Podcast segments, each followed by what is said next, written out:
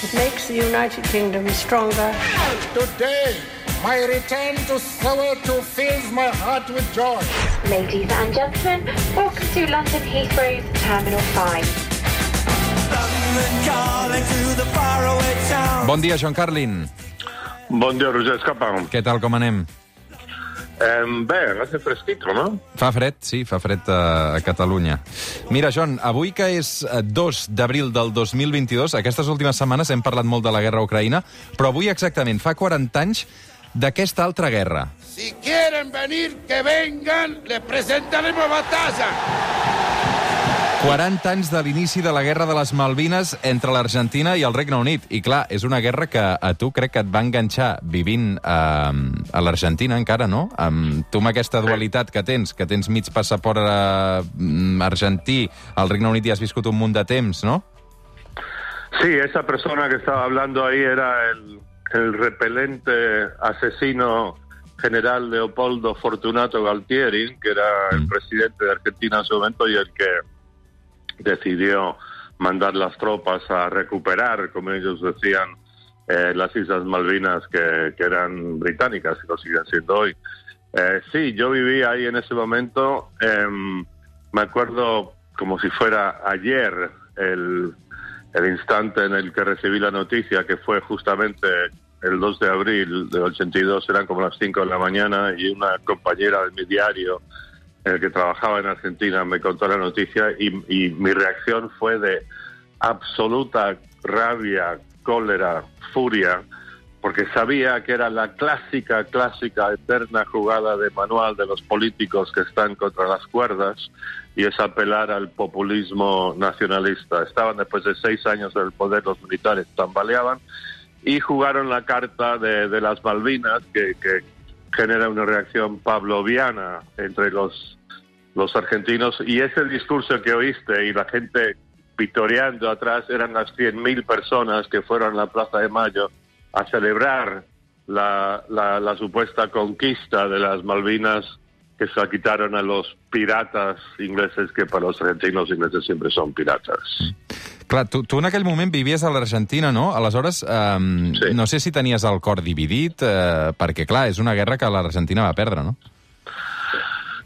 Mira, no, no tenía el core de Mira, primero me importa, bueno, un pepino que las Malvinas sean británicas, argentinas. Bueno, la verdad es que yo he estado ahí, fui varios años después y claramente las Malvinas para los malvinenses son una gente muy rara, muy excepcional. Son dos mil personas que viven en estas islas absolutamente inhóspitas por lo demás, donde hay un millón de pingüinos y dos mil habitantes humanos. Es lugar para pingüinos, no para gente. Pero core dividido nada en el sentido de que yo llevaba dos años y medio viviendo en Argentina, conocía gente íntimamente cuyos familiares habían sido desaparecidos y desaparecidos significaba primero que te sometían a torturas medievales, atroces, después te mataban, después te ponían eh, zapatos de cemento y, te tiraban de un helicóptero o un avión al, mar o al río de la Plata. Esta gente para mí, o sea, yo era, era muy joven y, sentí un odio puro por esta gente. Y cuando vi con inmensa claridad inmediatamente que habían hecho esta invasión en las Malvinas como, como digo, intento de, de ganarse a la gente, intento desesperado, que le había perdido el miedo y la fe, pues bueno, rabia y al final al final algo que yo siempre digo que pone a los argentinos muy, muy nerviosos es que deberían dar las gracias a Margaret Thatcher que envió la flota, que venció a los militares y que provocó la caída de los militares y la recuperación de la democracia en Argentina. Mm. Uh, I després van utilitzar els argentins uh, la figura de Maradona, que estava en auge en aquell moment, no? També per, per, sí. com a mecanisme de propaganda, no? Sí, bueno, mira, eh, Lo que pasa es que los argentinos pierden la guerra en el 82 como obviamente iban a perder. O sea, estos pobres reclutas, soldaditos argentinos que mandaron a, las islas, sea, no sabían luchar, aparte como siempre lo sacaron de los barrios más marginales de las afueras de Buenos Aires y el norte del país, no tenían la más mínima posibilidad de ganar contra el ejército profesional eh, británico. Fue otra masacre más, la última masacre de un régimen militar que, que mató a unas 10.000 personas desaparecidas y después a los 655 soldados argentinos que murieron. Cuatro años después fue el Mundial de México. Sí. Eh, Maradona jugó, ganaron a Inglaterra en cuartos de final, ganaron la final y en, en la mentalidad colectiva de muchos argentinos esta fue la, la venganza eh, por, por la derrota de la guerra. Y, y Maradona, gran parte de su eh, estatus mítico en Argentina es precisamente que marcó esos famosos dos goles contra Inglaterra cuatro años después de la guerra de las Malvinas. I a més a més una amb la mà, vull dir que... No? Sí, totalmente. Em, digues, digues. Es, es- es que es curioso que estaba leyendo la prensa esta mañana Argentina. En Argentina el único tema es el 40 aniversario de las Malvinas. En Inglaterra, en el diario The Times, Daily Mail, Financial Times, ni siquiera mencionan eh, la guerra. Para Argentina esto fue algo enorme.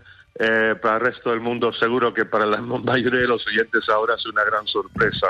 El que- el que- este 40 aniversario. Al·lucino que després de 40 anys l'Argentina continuï dient que les Malvines són seves i, de fet, fins i tot crec que hi ha un Ministeri de les Malvines dins del govern argentí. Esto no lo sabía Roger, pero lo que sí sé es que absolutamente, mira, yo fui al colegio de pequeñito en Argentina Mm. y te meten, te lavan el cerebro desde los cuatro o cinco años, te repiten todos los días las Malvinas son argentinas, los ingleses son unos piratas. Eh, y al final es todo muy absurdo, porque como dijo Jorge Luis Borges de esa guerra, hace 40 años, dijo, dos hombres calvos peleándose por un peine. O sea, son, son unas islas que nadie quiere vivir ahí, salvo, como digo, esta gente muy muy especial, los malvinenses. Em Eh, recorda la història del Perejil, també, una mica, no? En Sí, sí, de- sí, esto, esto el perejil un poquito más a lo grande y claro, una guerra y murieron gente y fue muy trágico. Pero fue una especie de, de, de perejil. Al final, esas islas no sirven para, para, para nada. Y tantos líos. Argentina, es que tiene, Argentina tiene tanta tierra, tiene tantos recursos naturales y quieren encima estas islas que están a 2.000 kilómetros de Buenos Aires, por cierto. Mhm. John Carlin, avui acabarem, arribarem a les 9 del matí amb aquesta cançó de Joan Jett.